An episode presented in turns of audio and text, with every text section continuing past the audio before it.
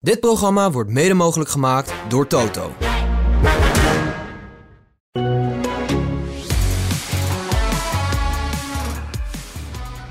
De eerste was het meest emotioneel, de derde dominant. En de tweede, ja, dat was de tweede. Het waren de woorden van Max Verstappen zaterdag na het definitief binnenhalen van de wereldtitel.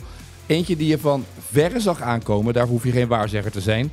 Het feest werd gevierd in Qatar en daarbij aanwezig was onze man Arjan Schouten. Dit is Pitstop, de Formule 1-podcast van het AD. Ik ben Etienne Verhoef en sorry alvast Arjan voor mijn stem. Het is niet van het juichen voor Max, maar de verkoudheid nee. slaat toe op de stembanden langzamerhand. Dus nu wordt het steeds minder. Ik ga steeds meer naar Heb Barry je- White. Heb je ook eh, te veel eh, onder een blazende airco gezeten, of niet? Nou, dat heb ik niet. Jij wel, denk ik. Of niet? Want het was snikheet Gods. deze Ja. racedag. Wat een slecht idee zeg. Een Grand Prix van Qatar begin oktober. Wat een slecht idee. maar goed, daar komen we straks wel op. Ja, laten we het eerst over de wereldtitel hebben en dat soort zaken. Ja. Die zagen we van verre natuurlijk aankomen. Dus zo groot Ja. was die verrassing ook niet. Nee, nee, Nee. nee, nee. Dit was een eh, gevalletje afvinken, ophalen, uitpakken, eh, incasseren. Ja, je kan erover twisten of dat het in stijl was of niet. Eh, twee Oh. kampen. Je kan zeggen, het was niet in stijl, want het was in de sprintrace op een zaterdag en hij won niet. Je kan wel zeggen, het was in stijl, want het kwam omdat Sergio Perez in een zandbak belandde en uit moest stappen. Ja, hè? Eh, Laten we wel zijn. Dat is ook een beetje het verhaal van dit seizoen. Dus dat het dan zo eindigt, vond ik ook wel weer eh, illustratief. Ja, want het was natuurlijk, het was, het was, die sprintrace was, eh, ja, eh, daar zaten een paar foutjes in het begin. En uiteindelijk was het gewoon top 6 eindigen, toch? Ja, ja McLaren is ook echt goed. Ehm, ook weer eh, vandaag. Maar eh, ja, weet je, weet je, het hoeft ook allemaal niet meer. En ehm, Zou hij echt gas gegeven hebben toen hij hoorde Perez uitgevallen? Toen hij hem zag staan in die zandbak? Of had hij gedacht, joh, weet je, we rijden hem uit en we zien het wel? nee, nee, nee. Hij wilde wel echt voor die zegen gaan. Ja? Dat, dat zei hij ook wel. Maar hij, hij had het wel geregistreerd. In, eh, in- hij kreeg het wel mee, zeg maar. Van, oké, die is eruit, dan is het nu klaar. Ja. Alleen, ja, daar heb ik natuurlijk de hele week, het hele weekend over geschreven en over gepraat.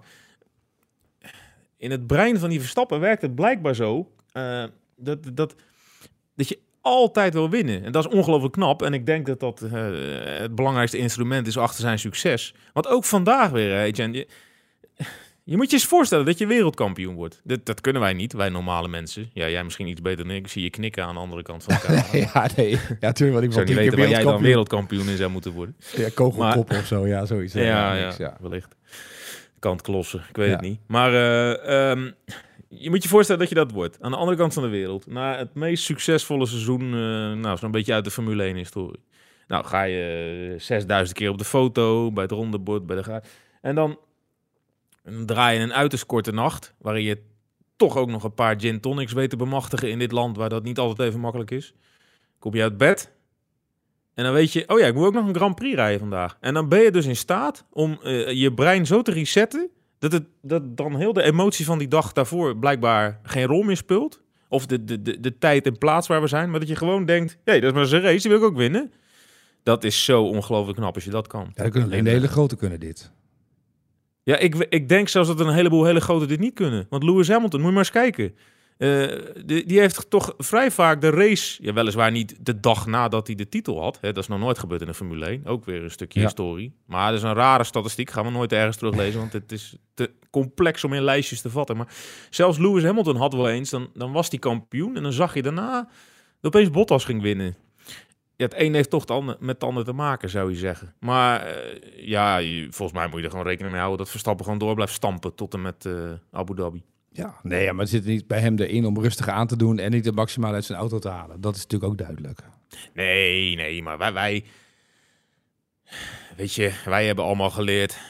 als je heel erg je best hebt gedaan voor adreskunde... en je hoeft nog maar één repetitie... en je weet dat je met een vijf ook wel genoeg hebt... ja, dan ga je gewoon je Frans leren waar je onvoldoende voor staat. Maar zo werkt het helemaal niet bij Verstappen, joh. Die Nee. gewoon alles winnen. Een Grand Prix is een Grand Prix. Ja, ja. Ja. goed, maar dat is ook, dat, dat, dat is, dat is ook te prijzen. En wat je zegt, eh, feestje vieren tot een uur of drie s'nachts omdat je wereldkampioen bent geworden.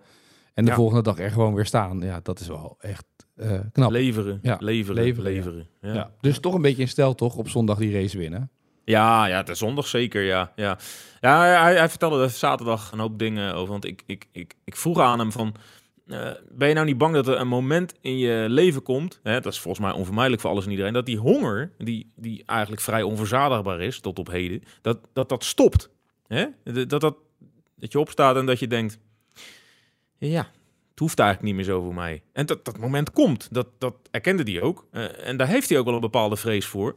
Uh, maar vooralsnog werkt het bij hem gewoon heel motiverend. Als hij iets kan winnen, wil hij dat winnen. En het is altijd maar meer, meer, meer, meer. En ja, hij zegt, ik hoef dat niet te pushen. Dat zit van mezelf in me. Ik denk dat het een familietrekje is, want ik had het er met vader Jos over. Ja, die, die heeft dat natuurlijk ook gehad. Alleen die heeft natuurlijk nooit over de Formule 1 auto beschikt, dat hij dat ook uh, wekelijks kon waarmaken. Uh, weliswaar in andere klasses. En laten we niet vergeten, uh, de man is aardig op leeftijd, maar hij won onlangs nog een rally. En ik heb vorig jaar was je bij toch? van hem. Ja. Nee, dat, dat was vorig jaar dat ik erbij ja. was. onlangs won hij een rally. Maar vorig jaar zag ik al ja, dat hij dat ook niet doet om tiende te worden, zeg maar. En ja, dat zegt toch wel veel over die familie. En ja, je kan zeggen, waarom doen ze het nog? Ze zijn allemaal. Maar het, het, het, het, het, het het toont ook alweer de sportpassie. En dat, dat vind ik toch ook wel prachtig. Ja, maar ik denk dat dat moment... Kijk, het is ook alweer gek. Hij is nu voor de derde keer wereldkampioen geworden. En dat we überhaupt die vraag stellen. Want ik bedoel, Djokovic, uh, Nadal, iemand als Federer... dicteerde een jaar of twintig het mannen mannentennis. Ja. Totdat blessures het bij Nadal en vooral Federer natuurlijk bijna onmogelijk maken om nog door te gaan. Maar Djokovic, die, dat is ook gewoon een machine natuurlijk. Die gaat ook gewoon door en die wil ook alles winnen. Weet je waar het denk ik mee te maken heeft? Um, dat, dat, dat wij er nu toch een beetje over praten. Uh, ik heb er ook een analyse over geschreven voor de krant. Uh, dit is een sport waarin uh, als je eenmaal aan de macht bent, dan, dan blijf je daar vaak ook wel. Althans, als je daar uh, de capaciteiten voor hebt en de auto. het heeft natuurlijk machtsperiodes, Formule 1. Mm -hmm. En er zit iets tegenstrijdigs in deze sport. Dat hoe meer je gaat winnen en hoe langer je aan de macht blijft, hoe minder bijzonder het grote publiek het soms lijkt te vinden. Wat heel raar is, want je zou juist denken hoe meer je wint, hoe knapper het is. Alleen, ja, je, je somt het net ook al op. Die tweede is nu opeens zomaar, ja, de tweede. Zo zei hij het zelf ook. Maar ja, weer een titel. En weer een titel. En je bent, er zijn bepaalde kampen die, die, die praten er nu zo al over dat je bijna geneigd bent om het pas weer knap te gaan vinden als hij de zeven wint. Want dan staat hij. Hè? Ja. Ik, ik, heb, ik heb zoveel journalisten hier deze week de vraag horen stellen van, ja, denk je al stiekem aan die zeven van uh, Schumacher en Hamilton? Dan denk ik van, jongens, we zijn op drie, hè? Ja. Even, hè, hold your horses. Ja, maar dat betekent ook dat iedereen wel doorheeft dat natuurlijk uh, de dominantie heel groot gaat worden van Verstappen. Ja. En dat maakt wel weer interessant tot hoe ver gaat zijn dominantie. Ook ja. omdat hij een aantal keer heeft gezegd al dat hij het niet zijn hele leven gaat doen. Hij, hij heeft nee. al te vaak daarvoor ook laten doorschemeren dat er een moment gaat komen dat hij denkt, nu vind ik het welletjes geweest. Ja, zei hij vandaag ook weer. Hij zei, uh, of gisteren dan, uh, na zijn titel, dan heb je zo'n Champions press conference. Hè. Gaat hij in zijn eentje op die bank zitten en dan 20 minuten lang uh, vuren. Maar hij zei ook van, in sommige sporten is het vooral zaak dat je zelf topfit blijft. en als je dan de capaciteit hebt, dan neem een Federer en Djokovic waar je het net over had. Ja, dan als jij maar topfit blijft, dan kan je op talent een heel eind komen. Ehm, maar deze sport heeft de complicerende factor dat je vervolgens ook nog het pakket moet hebben. En dat kan buiten je eigen schuld om ook zomaar opeens uh, weg ebben bij je vandaan. Hè? Er komen regelwijzigingen aan over twee jaar. kan zomaar zijn dat het dan klaar is met de macht van Red Bull. Zou niet de eerste keer zijn in de Formule 1-historie dat dat gebeurt. Uh, dus, dus daar heb je mee te maken. En uh, dan is het denk ik de vraag... is het dan nog de intrinsieke motivatie aanwezig... dat, dat Verstappen ja. door wil blijven stampen? Ja. Maar vooralsnog hè, denk ik niet dat ehm, ons daar op korte termijn druk over te maken. Hij heeft natuurlijk het meest rooskleurige uitzicht van de hele paddock. Ja, dat McLaren nu dichterbij komt, dat was een vraag die we op Twitter kregen. Heeft ja. er natuurlijk ook een klein beetje mee te maken dat Red Bull eigenlijk alles al binnen heeft. En ja, de focus daar natuurlijk volledig op volgend jaar is gegaan. Dus dan trekt het ook wat meer naar elkaar toe. Is volkomen logisch. Maar ja, reken maar dat hij volgend jaar gewoon weer dominant is als er geen hele rare dingen gebeuren. En misschien dat jaar daarna ook wel. Nou, waar sta je dan op? Vier, vijf. Ja. En dan is het natuurlijk een beetje de vraag: wat gaat er daarna gebeuren? Uh, blijft hij dan uh, vooraan rijden? Of daar zei hij dus vandaag over. Nou, de uitdaging kan ik altijd wel herkennen. Maar als je dan uiteindelijk ergens rond P15 be zou belanden, dan, dan, ja, dan wordt het misschien wel moeilijk. Maar Ja, volgens een hoeven de mensen. Ja, volgens nog hoeven de mensen zich niet druk te maken om zijn persoonlijke motivatie. Die is echt nog steeds sky high. En dat heeft hij volgens mij op de zondag hier in Qatar ook wel gewoon laten zien. Ja, maar de- het zit natuurlijk ook in het winnen van prijzen. Want eh, Ja. eh, volgens mij was het eh, Pep Guardiola die een tijd geleden over het winnen van de Champions League zei van ja, we, hebben, we proberen het elk seizoen en we proberen het steeds. En het is heel moeilijk om het te doen, want er zijn heel veel ploegen die erom strijden. En toen vergeleek hij het met eh, de golfer Jack Nicklaus, die zei ja, Die heeft eh, zes Masters gewonnen en eh, die is, is 19 keer tweede geworden. Dus ja, je wint niet, ook al ben je de beste golfer van de wereld, je wint niet altijd elk toernooi. En dat Nee. geldt bij Max Verstappen. Als hij gewoon een goede auto heeft, wint hij elke race. Dan wordt het voor jezelf, de, de weg naar die uitdaging zoeken wordt natuurlijk anders. Dat wordt de moeilijkheid zometeen. Ja, hij zei dat een race of drie, vier geleden. Toen moest ik een beetje lachen. Ik denk dat Monza was. Toen Mhm. zei hij, eh, want ik vroeg hem eh, destijds, eh, gaat winnen ooit wennen? En toen zei hij, ook ik heb nog steeds meer verloren dan dat ik gewonnen heb. En dat klopt. Alleen, dat is momenteel wel een beetje een vreemde uitspraak om te horen uit de mond van Verstappen, omdat hij zo ongelooflijk veel wint. Maar als je nu kijkt, hè, de man heeft 180 Grand Prix gereden, heeft er 49 gewonnen. Dus eh, het is volledig waar wat hij zegt. Hij heeft 27% gewonnen van zijn races, maar nog steeds heeft hij 73% verloren.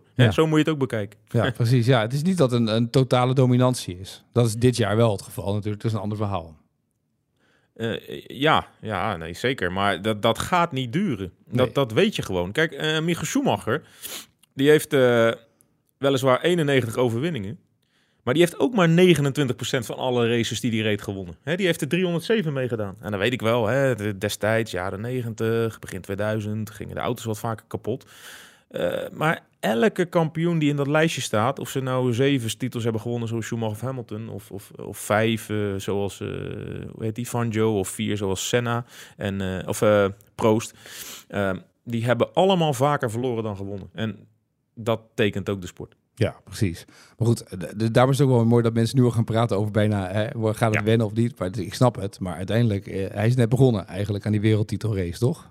Nee, ja, natuurlijk. Hij zei ook eh, vandaag van, eh, uiteindelijk ben ik nog hartstikke jong. Hè? Eh, hij is vorige week 26 geworden. Ja. Ja, eh, 26 jaar hè. Ehm, Lewis is 38 geloof ik, toch nu? Ja, nou ja, hij heeft nog wel wat dagen voor de boeg. Dus Ja. eh, eh, kijk, toen eh eh, Michael Schumacher 26 was, had hij er pas twee. Ja. Hè? En toen moest hij nog tot zijn 31ste wachten om eh 3, 4, 5, 6 en 7 erbij te gaan tikken. Dus ja, ja zeg het maar. Ja. Het kan nou echt nog alle kanten op. En Nou, het heeft met een heleboel factoren te maken. Eh, Lewis Hamilton zei dat eh, Red Bull en Verstappen, they've raised the bar. Dat de, Ja. de- het niveau is omhoog gegaan. Dat is, vind ik, Ja. uit de mond van Hamilton een mooie uitspraak. Ja. Gezien het verleden van die twee. Ja. Hij erkent ook dat er dus iets gebeurd is. En dat is niet alleen de wagen, dat is ook de coureur. Die, die, die dus iets neergezet heeft en standaard verhoogd heeft. Toch? Dat zegt hij er ook Ja. mee, toch? Ja. Ja. ja. Wat had is- je vandaag ook al... Ja, Ja. maak, maak, maak, maak je vraag af. Wat is, wat is het, wat, welke standaard heeft hij verhoogd? Wat, wat zie jij? Wat hoor jij? Ja, nou ja, echt alles klopt. Onder alle omstandigheden met die auto. En eh, kijk, die, die auto's zijn ze technisch gewoon eh, leading mee. Maar daar kom je er nog niet mee. Hè? Het moet ook tot in de uitvoering komen. En, en je ziet gewoon, eh, alles klopt binnen dat team. Echt tot in de puntjes. Aan de kant van Max, hè? Eh, de zeggen, andere kant van de garage. Daar komen we nog wel op. Eh, daar levert die ene man die de stuur in handen heeft al een tijdje niet. Maar als je nou eens kijkt, want Max eh, Verstappen zei, het is, het is heel makkelijk om te zeggen als je een dominante auto hebt, dat je overal maar wint. Maar het is ons natuurlijk niet makkelijk gemaakt. Eh, Alonso zei het ook nog. Deze zomer, hè, dat moeten we niet vergeten, in juni en juli waren heel veel races met regen. Heel veel races met regen. En Zandvoort ook nog. Het was echt een lastig eh, weekend. Waar je allerlei elementen voor je, eh, voor je neus geworpen kreeg. En je ziet dus gewoon dat, dat eh, tal van teams op dat soort momenten steekjes laten vallen. En dat Red Bull de zaakjes altijd voor elkaar heeft. En of dat nou komt door die, ja, die bizar goede samenwerking tussen GP eh, Lambia's als, als race engineer aan de muur en Verstappen, die echt kunnen lezen en schrijven met elkaar. En eh, er zit ook soms wel een beetje frictie. Hè? Die, die, die, die, die lopen ook niet weg om een beetje ruzie te maken met elkaar. Tenminste, dat lijkt dan zo, maar dat is dan gewoon een discussie op het scherp van de snede. Eh, en dat hoeft ook niet altijd eh, vrolijke chit-chat te zijn. Eh, dat is volgens mij echt een van de elementen dat het daar hartstikke goed klopt dit jaar. Eh, dat, dat, dat, is, dat is een heel goed huwelijk. En zo zullen er nog een heleboel dingen zijn waar je niet altijd het fijnste van weet. En een heleboel technische dingen zijn waar je waarschijnlijk veel beter een andere podcast voor kan gaan luisteren binnen de DPG-groep. ja, maar ja, je ziet gewoon dat het erg klopt, het huwelijk tussen Verstappen en Red Bull Racing. Ja, precies. En dat huwelijk, dat, dat is natuurlijk een, een huwelijk wat nog een paar jaar doorloopt. Maar als je deze voorsprong hebt, hè, we hebben het wel steeds over hoe nu McLaren eh, dreigt in te lopen of eh, het een beetje terugkomt. Of, eh, dat is de hoop een beetje van iedereen. Maar Ja. ik denk dan steeds, ja, maar als je dit al hebt dit jaar, eh, ge- geredeneerd daartoe, we begonnen met deze podcastserie. Toen liep Mercedes mijlen ver voorop en die konden steeds nu al gaan werken aan volgend jaar. Dus ik denk dat steeds, ja, daar waar McLaren probeert het gat te dichten, is, Mercedes, is Red Bull al bezig om naar volgend jaar te kijken hoe ze het dan weer nog sneller en nog beter kunnen doen, toch? Ja. Hoe, hoe noemen ze dat ook alweer? De wet van de remmende voorsprong? Ja, Hè? precies. Dat het aan Ja. het, einde, eh, het einde van zo'n motorreglement weer als een harmonicaatje in elkaar schuift. En dat heb je natuurlijk vorige keer ook gezien. Hè? eh, dat Red Bull steeds dichter bij Mercedes komt. Ja, dat is eh, onoverkomelijk in deze sport. Tenminste, wel de laatste 20, 30 jaar. En volgens mij is het heel naïef om te gaan denken dat het nu opeens verandert. Hè? Dat we opeens een soort van eh, rare winter krijgen dat McLaren opeens vooraan staat. Dat hebben we denk ik één keer gehad in de afgelopen 20, 25 jaar. Dat was toen, eh, wat was het? British American Racing, de Mhm. Honda, met Jensen Button. Die toen een heel handig technisch foefje hadden gevonden. Ja. Waarmee ze in de eerste 8, 9 races zo ongelooflijk veel voorsprong hadden... dat de rest met copy-paste ja, al eh, tot na de zomerstop bezig was, zeg maar. Dus Ja. maar, zo werkt Formule 1 gewoon niet meer. Nee. Ehm, dat gezegd hebbende, het, eh, de Jaap 1 hoeft hij niet te krijgen, geloof ik, hè? Verstappen. Ja, heb ik hem toch even gevraagd. Ik Ja. weet niet of hij eigenlijk wel wist wie Jaap Eden was. Ik moest hem ook in het Engels stellen, dus het was Oh, die ja, Jaap Eden. Jape Eden zei ik. Er kwamen zelfs Nederlandse verslaggevers naar me toe die, die vroegen wie bedoel jij nou eigenlijk? Want de Fanny Blankers Koen, die snapte ze natuurlijk wel. En eh Johan Cruyff. ja, die. Jaap Eden. ja, maar ja, dat is ook zo achterlijk hè. Weet je, dan is heel contingent Nederlanders en dan heb je één zo'n sessie. Maar ja, ik snap het ook wel weer. Dus, kijk, Max Verstappen is natuurlijk zo ongelooflijk groot. Die is al lang niet meer van ons. Die is nooit van ons geweest, maar ik bedoel meer, hè, mediatechnisch is die ook niet meer van ons. Eh, die moeten wij delen met de wereld. Eh, zoals eh, ja, heel topsport Nederland eh, eh, de grote jongens ziet uitvliegen. En de, ja, maar goed. Weet je, dan is dat wel het moment op de donderdag voor mij om toch ook te vragen. Kijk, Ronald Waterroos had in een column in de Limburger gezegd van... het maakt niet uit of hij nou nog vier, vijf, zes titels erbij wint. Hij is toch wel de grootste sporter van, Ja. van Nederland. Nou ja, is natuurlijk, het is natuurlijk een, een borrelpraat eerste klas. Daar kan je het nooit Nee, allemaal Cruijff- mee eens. De Cruijff-adepten allemaal- vonden dat belachelijk en verschrikkelijk Ja. dat dat dan gezegd werd. Daar kon je niet Ja. wel zeggen, ja... Nee, je, je, je kan net zo goed zeggen, Richard Krajcek hoort er ook bij. Want ja, wel- wel- welke Nederlander heeft nou een Grand Slam toernooi Ja, gewonnen? Ja, dat- weet je, dat is... Je gaat het niet eens worden. Eh, en ik weet dat Verstappen dat ook gruwelijk, verschrikkelijk irritant vindt. dat soort dingen. Ehm, dus ja, dat, dat is ook mijn taak om dat toch eens te koppelen van... Wat, wat vind je daar nou van? En nou, ik hoefde... de- de- blijkbaar had ik iets geraakt. Want er kwam, een, er kwam echt een spraakwaterval uit... waarin die ook... Ik begon eigenlijk helemaal niet over het sporthalen, maar daar begon hij zelf over. Dat, dat, ja, dat, van hem hoeft het allemaal niet. En hij had echt, vol, wat mij betreft, hele rake teksten erover. Eh, over het feit dat hij het eigenlijk een belediging vindt aan andere sporters die eh, heel veel eh, doen voor hun sport, ook succes hebben. En dan blijkbaar niet de waardering mogen hebben in de vorm van zo'n prijs. En kijk, als je de een gaat uitlichten, eh, dan doe je altijd een heleboel tekort. En dat was volgens mij zijn grootste eh, eh, opmerking. Ehm, tegelijkertijd is sport ook een oneerlijke wereld. Hè? Er is altijd één de beste en ja, de één na beste die, die staat dan in de schaduw. Ja. Ehm, maar ja, nomineren maar eens niet. Zou ook een beetje raar zijn na dit jaar, toch? Nou, je kan ook gewoon zeggen, nou, hij wil het niet, dus dan nomineren we hem niet. Prima, is ook goed. Nou, eh, vertel, eh, eh, vertel mij nou niet wat er gaat gebeuren. Weet je. Nou, hij gaat echt wel genomineerd worden, maar hij gaat hem niet winnen dit jaar. Nee. Mathieu van der Poel wint natuurlijk. Dat snap jij ook. Ja, denk je van de Poel dat Mathieu het wordt? Nou ja, als jij wereldkampioen op de weg en in het veld wordt... en je wint Milaan Sanremo en je wint ik eigenlijk dat het tegenwoordig niet meer sportman en sportvrouw, maar dat het één, één categorie wordt zometeen. Dat hij Nou dus ja, de dat sporter zouden van het ze jaar. moeten doen en dan natuurlijk. wordt het Dat Femke Bol natuurlijk. moeten doen. Wie? Femke Bol. Eh, Ja, en waarom niet Sifan Hassan dan? Dat kan ook, Sivan Hassan kan ook. Nou, zie je. Nou, hier, daar gaan we. Waar gaan we nu naar, waar gaan we nou Nee. helemaal heen, Nou, joh? Ik weet ook niet, Theo. We gaan terug naar de race. We gaan terug naar Ja. Qatar. Hey, wat, wat was dit eigenlijk voor weekend? Want ik zag iedereen eh, half uitgeput op de foto's liggen en eh eh, moesten de dehydrated en dat soort dingen allemaal. Het stoeltje werd heet, hoorde ik Alonso roepen. Was maar warm, joh. Ja? Goh. Pff, Man, man, man. Ja, dit, dit, dit- dit is hier geen dag eh, dat het, dat het onder de 40 graden bleef. Eh, en ja, dit- daar komt nog eens bij dat het... Ja, dat het gewoon best wel heel matig georganiseerd was. Ik bedoel, jij kan er een heleboel over vertellen, maar dat is het gewoon. Ze, het leek wel of dat de Grand Prix, ondanks dat ze twee jaar eerder al een beetje hadden warm gelopen voor corona, maar dat ze er gewoon nog niet helemaal klaar voor waren. Er was gewoon, niet, alles was niet helemaal op orde. buschauffeurs die eh, de weg rond het circuit niet weten.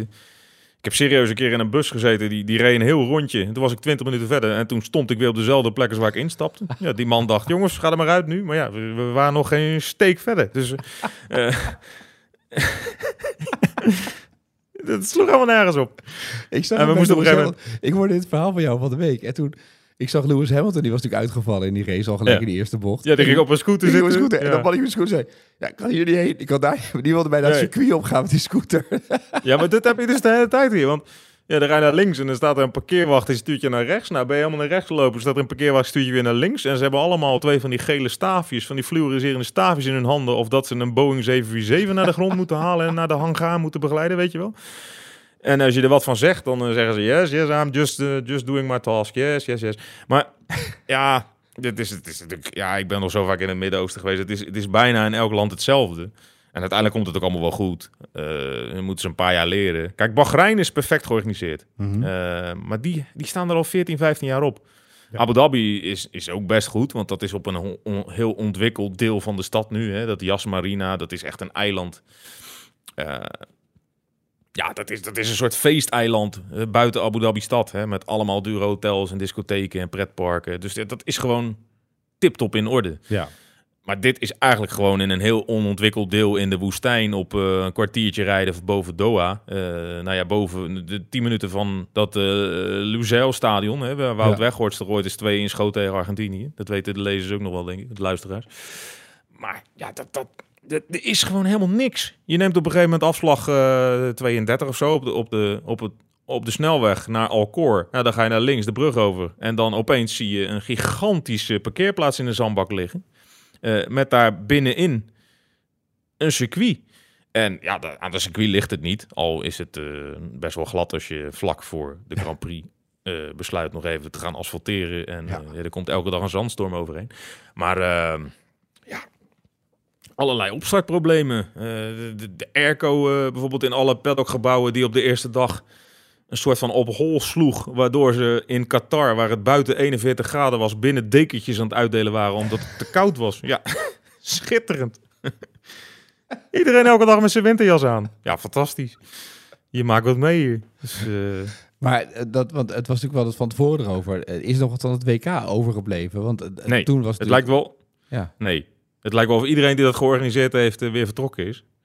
En we hadden collega Sander van Mersbergen ook, die eh, voor de nieuwsdienst eh, wat dingen heeft gedaan. En, ja, die was in een strandtent geweest eh, tijdens de sprintrace. Hè, het is notabene de race waar die kampioen kon Ja. worden. In een strandtent. Er was speciaal F1 eh, night. Hè, eh, tijdens de WK's moest je volgens mij 65 euro betalen om daar drie drankjes en ja, wat, 75 eh, was het, ja. 75 75. euro voor die drankjes, ja. eh, en nu was het 45, dus ze hadden al een beetje voorgesorteerd dat dit niet zo populair zou zijn als eh, Messi en, eh, en al zijn vriendjes. Maar ze hadden dus een, een flatscreen gekocht van 65.000 euro. Die stond daar vrij prominent. En hoeveel mensen waren erop afgekomen? Zeggen en schrijven 10. ja. Nou ja, 11, want Sander was er ook. Ehm, ja, dat, dat kan niet uit, zoals een bezoeker in het eh, stuk van eh, Sander eh, opmerkte. En tegelijkertijd voegden ze daaraan toe, maar dat maakt hier ook niet zo heel veel uit of dat het uitkomt. Dus ja, ja je, je, je, je, je verbaast je werkelijk elke dag over van alles en nog wat. Maar, dat WK heeft natuurlijk voor een soort openheid gezorgd, zeiden ze. En dat was de bedoeling. Heb je dat ook gemerkt nu je er weer was? Ja, dit land. Kijk, ik ben, ik ben hier eh, pff, in 2013 denk ik voor het eerst geweest bij de Ronde van Qatar. En daarna ben ik daar nog wel eens geweest. En ik ben ook nog wel eens bij het WK wielrennen geweest in 2016. En je merkt wel, eh, los van het feit dat er elk jaar 27 miljard eh, wolkenkrabbers bij staan, dat er hier wel meer mag nu. Ik bedoel, alcohol bijvoorbeeld, hè, eh, wat best wel streng was. Ja, dat heb je hier nu best wel op veel plekken. Als je wil, kan je hier het hele weekend Leffe Blond en La Chouffe drinken. als je genoeg geld meeneemt, want het blijft wat prijzig. Maar dat is in bijvoorbeeld in Saudi-Arabië, is dat uit een boze. Hè? Daar heb je alleen maar een kilometer 0,0 biertjes in de supermarkt liggen. Dus in, in die zin is, is, er, is er meer openheid. Ehm, en het is ook helemaal niet meer zo'n probleem hier om bijvoorbeeld in een korte broek en met, met slippers een restaurant in te gaan en zo. Alleen, ja, de, de toerist, hè, wat ze toch een beetje hoopten met dat WK, Ja. de toerist heeft volgens mij Qatar echt nog niet gevonden. Nee. Dus die, die lijntjes waar die gasten in zaten met de metro, die, die liggen nog steeds de, de half ja, braken bij. Er, en, er, zit, er zit niemand in. Er zie je wel eens wat uh, arbeidsmigranten in zitten. Maar bijvoorbeeld de Formule 1, die roept het nu heel trots dat het uitverkocht was. En dat het uh, veel meer mensen had uh, dan, dan twee jaar geleden. Wat nogal wiedes is, want dat was een coronajaar. En toen stonden de amper tribunes. Ja. en, en nu hadden ze de capaciteit uitgebreid tot 40.000. Ja, dat is belachelijk weinig natuurlijk. Want alleen in Zandvoort, wat echt een heel compact circuitje is, wat denk ik een tiende van de ruimte heeft als wat ze hier hebben, daar zitten er elke dag al 110.000. Ja. Dus over het hele weekend waren er volgens, volgens de Formule 1 waren er 126.000 kaarten verkocht. Ja, ik waag het te betwijfelen, want ik heb een heleboel lege plekken gezien. Dus ja, ze zijn wel verkocht, bovendien... maar die komen niet, die mensen. Nee. Die komen dat er geen Qatari in zaten in die Formule 1-wagens. Nee, maar ik, een collega van me die had ook met, met, met Engelsen gesproken. Ja. Die hadden ja, best wel veel geld betaald. En dan, dan, dan vlieg je dus met Qatar Airways naar Qatar, wat echt een geweldige maatschappij is. Dan kom je in dat, dat vliegveld van Qatar aan. Uh, nou, dat, dat is een soort... Nou ja, Schiphol mag daar uh, de schoenen niet van poetsen, zeg maar, qua luxe. Mm -hmm. Dan kom je in je hotel aan. Nou, al die hotels zijn hier goed natuurlijk, zeker na het WK. Maar dan kom je dus op dat circuit aan. En dan kom je erachter dat je voor die, weet ik veel, 300 dollar wat je betaald hebt moet je tijdens de middagtraining, als het nog licht is, zit je dus op een tribune waar helemaal geen dak op zit. Ja, dan is het 39 graden. Houd dat maar eens een uur vol. Ja, precies. Dus ja, daar moeten ze echt nog wel een heleboel stappen maken. En niet in de laatste plaats, wat ook, wat ook echt niet uh, best wel een tegenvaller was, is dat, je, dat, het, dat het voor de coureurs gewoon volgens mij niet een hele gezonde exercitie was wat ze nee. vandaag aan het doen waren. Nou, ook mede ingegeven door die banden. Die dus, ja. er werd gewoon ingegrepen door Pirelli. Jullie moeten verplicht bandenwissel doen. Nou, dat is ja. natuurlijk helemaal van de zotte. Dat betekent dus dat ja. echt iets aan de hand is, toch? Nou, drie keer naar binnen, anders gaan ze klappen. Daar komt het volgens mij in gewone mensentaal op en neer. Ja. Op neer, toch? En dan liefst zo, zo snel mogelijk naar binnen, want anders dan... Uh... Ja, een rondje voor 18 maximaal. Ja. En dan... Maar dan krijg je dus dat je de hele tijd aan trappen bent. Want je hebt het verse banden. Hè? Dus die, um, en er komt nog eens bij, deze Grand Prix, hè, die, die, die, die komt volgend jaar later op de kalender. Dat gaat echt wel schelen. Volgens mij is het dan de voorlaatste. Dus dan zit je in november, december. Een beetje waar het WK ook was. Nou, dat Ja. scheelt zomaar 10 graden hier. Ehm, maar als het dan s'avonds amper afkoelt, zoals wat vandaag was. Een sprintrace viel wel mee, bovendien is het heel korter. Maar als jij dus eh, twee uur gaat racen eh, en je begint daar pas om 8 uur s'avonds mee... en dan is het bij de start nog 2, 33 graden... met een enorme luchtvochtigheid à la Singapore... eh, ja, dan is wel vragen om problemen. En dat hebben we ook wel gezien. Ehm, Ja. ja, ik weet niet of alles op tv is geweest, maar Esteban Ocon heeft zijn helm volgekotst, heb ik me laten vertellen. Dat was niet op tv. Ik zag, het, ik zag hem alleen liggen eh, op de foto's zelf op zijn eigen Instagram dat hij, dat hij lang uit lag. eh, Ja. Ocon. Lance Stroll kwam amper zijn auto uit. Ja. Max Verstappen vroeg in de cooldown room of dat er iemand een rolstoel had. Nou was dat een grapje, maar hij ging vervolgens wel lang uit even liggen en zei tegen Norris en Piastri: jongens, doen jullie de podiumceremonie zelf, maar ik zie jullie morgen wel weer.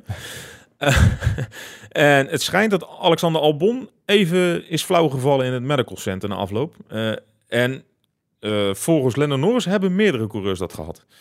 Ehm, Fernando Alonso, zo'n beetje de, de oudste, meest geroutineerde op de hele grid. Eh, nou, die heeft toch heel veel meegemaakt. Die zei, dit is de allerzwaarste race die ik ooit gereden heb. Nou, als Alonso dat zegt, dan zegt dat wel wat, wat mij betreft. Ja, precies. Dat zegt ook wat dus over de planning van deze Grand Prix en waar, waar die staat eigenlijk op de kalender. Dat hij hier niet moet staan met dit. eh, Nee, dit was onverantwoord. Want je zag ook bij Williams, waar ze heel erg aan het, aan het worstelen. Want Logan Sir, Sargent, die gaf over de radio tot een, een, een drie, vier keer aan van... Jongens, trek het niet meer. Eh? Je zag hem ook... Hij, er zat helemaal geen snelheid meer in. Af en toe schoot er een auto links en rechts langs hem. Hij had moeite om elke bocht te nemen. En wat mij betreft waren ze daar een beetje te lang aan het wijfelen. Wat mij betreft had, hadden ze bij Williams en Pitmoor gewoon moeten zeggen... nu naar binnen komen. Ja. Dit is onverantwoord. Ja. Maar ja, ik snap het wel. Hè. Die jongen die is toch al een beetje aan het zoeken naar zijn vorm. En ja, de, Williams naar puntjes. Of naar resultaat. Of perspectief.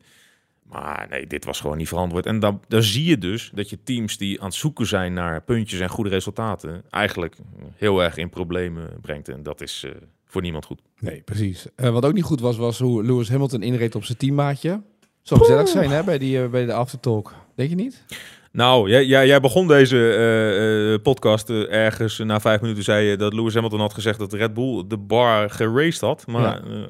hij had zelf de bar een beetje gelood vandaag, wat mij betreft. nou, Want zeker. Dat was niet zo best, hè? Nee. En eh, dan ook nog op de boordradio eerst aanvankelijk zeggen dat, eh, niet zijn schuld was. Maar daar was hij toch eh, eenmaal uit de auto vrij snel over eens dat dat niet helemaal de lezing was die hij eh, moest gaan verkondigen met de rest van de wereld. En hij gaf eh, vrij snel eh, George Russell een hand en volgens mij bood hij zijn excuses aan. Ja. ja. Maar dat was niet zo handig. Nee. nee dat zorgde, beetje- wel, zorgde wel gelijk voor spektakel op het begin van die race. Dat, ik was wel gelijk bij om 7 uur hier. Dat ik dacht, Ja, nou, ik was ook wakker. Ja. Ik even naar het puntje van mijn stoel schuiven. Maar het, het was een beetje opportunistische actie natuurlijk. Het Ja. deed me een beetje denken aan Barcelona 2016, of niet? ja, nou dat een beetje, ja. Ja. ja. Het was een beetje, eh, het was gewoon knullig, toch? Dat hij zo'n fout maakt. Ja. Dat misschien wel zien hoeveel druk op hem staat, toch? Om te, om te bewijzen dat hij nog wel zijn teammaat voor kan blijven. ja, nou ja, klaarblijkelijk ja. Want volgens mij past het niet wat hij wilde. Nee, dat was heel duidelijk. Ja, en als je dat nou op een circuit doet waar je al 22 keer gereden hebt, snap ik het nog. Ja, precies. Maar eh, ja, je weet dat met licht contact ga je hier spinnen. En dan beland je in een grindbak waar je nooit meer uitkomt. Een soort eh woestijngrind. Dus ja, wat, wat wil je dan precies? Ja. Ja. Het was een weekend in Qatar. Max Verstappen heeft de wereldtitel binnengehaald. En nu kunnen we ons langzaam gaan voorbereiden op de volgende, het volgende hoogtepunt van Formule 1. Hè? Je, je wilt het over Vegas hebben, begrijp ik? Nee, ik wil niet over Vegas hebben. Oh. Maar ik wil alleen wat dat, dat wordt weer. Dat is in ieder geval nog iets waar we naar kunnen uitkijken de komende weken. Want voor de rest wordt het natuurlijk gewoon een soort van parade elke keer weer. Eh, die, eh, de, de spanning is eruit natuurlijk in dit seizoen. Nou, ik denk dat dat wel meevalt. Ja? Ja, ik ga de luisteraars toch enig perspectief bieden. Oh, dat Eh, is fijn. Dat is fijn. Nog voor Vegas gaan we ook naar Mexico. En denk jij niet dat dat een beetje een beladen race wordt? Met alles rondom eh, Verstappen en Perez van de afgelopen maanden. En wat, wat bijvoorbeeld een, een, eh, een Marco laatst ook weer gezegd had over Mexicanen. Dat Ja. dat best wel een beetje... nou, ik wil niet zeggen spannend, want eh, het kampioenschap is natuurlijk al beslist. Maar dat het best wel een beetje een beladen race kan worden. En nou, misschien ook wel een beetje spannend, want... Ja, Perez had echt gewoon ja, daar hoeven we niet heel moeilijk over te doen. Dat echt gewoon een strontrace. Dat echt gewoon een heel slecht weekend. eh, wederom. Ehm, en ik weet niet helemaal. Ik ga er even checken. Hij staat nu 30 puntjes achter Hamilton. Hij heeft het geluk dat Hamilton uitvalt. Ja. Eh, pakt maar één puntje zelf. Terwijl een, een Alonso er dan toch weer negen pakt. Eh, kijk, Leclerc is te ver weg en hij zal het allemaal best wel halen. Alleen, het zijn maar 30 punten en er zijn nog vijf races te gaan. Dus het is ook niet zo eh, dat hij het eens even rustig uit kan gaan rijden. Eh Perez moet gewoon nog blijven knokken tot het einde om de tweede plaats die hij eigenlijk nog nooit heeft gehad hè, bij Red Bull. Want vorig jaar, niet vergeten, toen in de laatste race werd hij ook, raakte hij die ook kwijt. En dat zegt toch wel iets hoor. Met zo'n auto waar Max Verstappen zo ongelooflijk machtig mee is. Dat je, dat, je, dat je het gewoon niet voor elkaar krijgt. Vijf puntjes in de laatste drie raceweekenden. Waar ook nog een sprintrace tussen zat. Ja, dan denk ik hè. ehm, kijk, ik ben jouw man dan niet. eh, maar ik, denk toch dat je een beetje moet gaan vrezen eh, voor je toekomst bij Red Bull. En ook als je zelfs nog één contractjaar op zak hebt. Ja? Dus, maar dat Ja. ga je niet bekendmaken als Red Bull zijnde voor Mexico, toch? Zou ik niet doen. Lijkt dus je me gaat heel eerst naar. Mexico. En als Alleen, je dan Mexico uit bent en je, hebt, je bent voor, voorbij de paspoortcontrole, je zit in het vliegtuig, dan zeg je, Checo, listen. Nou ja, het is veel chiquer zou natuurlijk zijn als het in de winter doen. Ja. Eh, maar ik weet, ik, ik, ik ken de ins en outs niet. En misschien is het wel ongelooflijk lastig eh, met dat contract wat nog een jaar doorloopt. En dat dat heel veel geld gaat kosten. Maar ja, als je het nou even omdraait, wat hebben ze als wisselgeld? Kijk, eh, er zit nu een, een, een Australiër die heel goed in de groep ligt. Die zit nog even op de reservebank, maar die zal eh, in Australië of in eh, Amerika eh, echt wel weer terugkeren in die auto met de geblesseerde hand. Daniel Ricciardo Ja. in de Alfa Tauri. Je hebt Yuki Tsunoda. ehm, en je hebt Sir, heet die, Liam Lawson, die, die best wel een redelijke indruk maakt sinds dat hij als vervanger in die auto zit voor Ricciardo, al best wel wat races. En eigenlijk kan je, heb je er drie, waarvan je er eh, maar eh, twee toekomst kan bieden volgend jaar. En je hebt er een Mexicaan. Ja, daar kunnen we een heleboel over zeggen, maar eigenlijk is hij gewoon gewogen en te licht bevonden naast eh, Verstappen. Dus volgens mij, als Perez nog een paar van dit soort weekenden aan elkaar blijft knopen, dan, ja, dan moet je toch gewoon gaan vrezen voor je positie. Ja, precies. En dan kan je makkelijk gaan doorschuiven met andere mensen. Hè? Nou ja, eh, eh, hij hoeft niet te gaan vissen in een vijver, zeg maar. Hè? Nee. Helmut Marco. Hij heeft ze voor het kiezen, zeg maar. Ja, dat zal voer worden voor de komende weken, vermoed ik zomaar. Want we hebben een raceloos weekend volgende week. Dus dat gaat, iedereen gaat weer speculeren. Er komen al die verhalen erbij natuurlijk. En dan gaan we daarna richting Amerika. Dus ik denk dat wij de komende weken daar vast nog verder over zullen gaan praten. En eh, eh, in deze podcast ongetwijfeld. Eh, op naar eh, Amerika, op naar Mexico daarna. En eh, op naar het einde van dit seizoen. En op naar wat voor, voor record Verstappen nog... Kan hij nog een record breken dit jaar of niet? Nou, ehm, dat lijkt me wel. Je gaat, Mag jij raden welke? je gaat nu naar de statistieke site opzoeken. Ik denk de meeste overwinningen in een seizoen.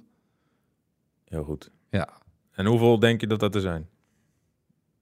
Hij zit, ik denk dat dat er... Het is een instinkertje, hè? Zet ik er even bij. ja. Ik denk dat hij dat al heeft, of niet? Dat heeft hij al. Ja, Ja, heel precies. goed, Etienne. Heel ja. goed. En wanneer gaat hij dat even naden, 14 denk of jij? 15 zijn dat er dan of zo, of niet? Ja, hij heeft er nu 14. Hij had er vorig jaar 15. Ja. Dus hij heeft nog vijf races om over Oh, die dat is 15 best- heen te gaan. Dat, dat is toch best leuk als hij dan nummer eh, over 15 heen gaat en de nummer 16 in Mexico pakt. Dat is toch leuk? Ja, superleuk. Maar je moet overigens ook even naar het percentage kijken. Dat is echt dat is fantastisch. Dat Je hebt, je hebt dus winstpercentage. winstpercentage in één jaar. Ja. Eh, Alberto Ascari had tot dit jaar eh, dat record met 75% Ja, in natuurlijk een raar seizoen. Hè. 1952 had je acht races, hij won er zes. Ja, nou, dat hoef je niet eh, heel wiskundig aangelegd voor te zijn. Maar eh, Verstappen staat nu op 82,3% 14 uit 17. Ja, dat is bizar natuurlijk. Dat is wel een bizar aantal, ja, precies. Ja. Ja. Nou ja, dat is ook nog een mooi om vast te houden. En zijn dan, dan gaan we van andere dingen vast nog wel krijgen voor de bingo kaart de komende weken waar we nog wat mee kunnen. Nou, eh, ja, pole positions in één jaar. Kan dat nog? Even kijken. Kan dat nog? Ja, hij heeft er nu 10 uit 17. Nou, dan moet hij ze allemaal halen. Moet hij Oh. nog vijf poles halen. Dan komt hij samen met Vettel. Die had er ook 15 in 2011. Wordt lastig, denk ik. Wordt Ja, dat wordt een uitdaging. Ja. Met de snelheid van die McLaren's wordt lastig. Nou, zie je, er zijn nog wat records gelukkig te breken voor Verstappen de komende jaren. Ah, joh, maar de, de, de bingo kaart is zo groot in deze sport, joh. Minste track limits in een race, meeste track limits in een race, dat soort dingen. Ja, die heeft. Perez. Die pakt Ja. niemand meer af. Nee, Jeetje, man. Wat was dat? De ene straf na de andere. Ja, maar ja, weet je, eh, als je eenmaal in de hoek zit waar de klappen vallen, hè, het is net Ajax Perez. Ja, Op een gegeven moment wordt het niet meer beter. nee. Nee. Ja, dit... Overigens, hè? Nog, mag ik nog één kritisch dingetje over Qatar zeggen? Ja. Ik ben er toch zo lekker bezig. Je bent het land nog niet uit, toch? Nee, maar dat komt wel goed. Oké. Het kijkt is ook achterom hè, als je dit zegt. Ja, Ja, je, weet niet wie er staat. hè. nee, maar... eh, hoe voel jij nou dat feestje wat ze zaterdagavond hadden geregeld? Voor die sprintrace van Max. Vond je dat, eh, dat was dat feestje met die DJ bedoel je? Ja, dat had Red Bull zelf geregeld. Oh, dat was van Red Bull. Ja, maar dan zie je dus, hè, jij begon dus de, de podcast ermee. Ja. Dan zie je dus van kilometers aankomen dat die zaterdag beslissend gaat worden. Daar heb je twee weken lang om je op voor te bereiden als Qatar zijnde. Maar ook als VIA en FOM. Laat ik daar ook gewoon even naar kijken. En dan wordt hij dus wereldkampioen. En dan, ja, dan is het een soort sobere zaterdagavond. Want het is een sprintrace en daar doen we normaal niet zo heel veel mee. Ja, oké, er was een, er was een Champions eh, eh, persconferentie ingelast, maar ja, verder was er één sobere bende. En dan een dag later, dan wint hij dus de normale race. Ja, wat, ja, wat eigenlijk eh, Ja. bijna als mosterd na de maaltijd gezien kan worden. En dan steken die Qatari dus voor eh, een miljard euro eh, vuurpijlen af. Dan denk ik, had nou een paar van die pijltjes een dag eerder de lucht Nee, ingeschoten. dat, dat snap ik dat je dat zegt. Alleen Henk was verantwoordelijk voor het vuurwerk en die was zaterdag vrij. Oh, En ja. die begint altijd zondagochtend vroeg met opbouwen. Want ja, zaterdag is zijn vrije dag. Dus Henk, ja, ja, ja. Nou ja, dan zal dat het wel zijn, Etienne. nee, maar ik, ik, tijdens het WK was er overal Messi, overal hing die. En Mhm. als je nu dan als Qatar het wereldkampioen, de wereldkampioen binnen hebt, dan zou je dat Mhm. zaterdag al groot uitpakken. Lijkt me niet meer dan logisch, toch? Overigens, hier naast mijn hotel hè, staan dus twee wolkenkrabbers. Zou je ook wel gezien hebben. Mhm. Maar er worden dus elke avond worden, op die ene wordt eh, Verstappen geprojecteerd en op die andere Perez. Ook leuk. Perez stond er net ook nog op. Oh, Dus ja, ik weet niet. Misschien hebben ze de race niet gezien of zo. Hij had ook wel één, één WK-puntje. dat is waar. Nee, dat is wel goed. Want, eh, nou, ik hoor het al. Jij bent groot fan twee- van Qatar. Volgend jaar geef je die race graag weg aan Marijn, denk ik, zomer in november. Ja, nou ja, goed. eh, ik ga er met alle liefde weer naartoe. Maar ik ben er nu vijf keer geweest. eh. het is niet mijn droomlocatie, Etienne. Laat ik het daarop houden. Nee, dat begrijp ik. Nou goed, wij zijn er volgende week gewoon weer met een nieuwe pitstop. Dan eh, gaan we vooruitblikken op wat er gaat komen de komende weken. En eh, ik wens je een goede terugreis. En tot, Ja. tot volgende week. Oké.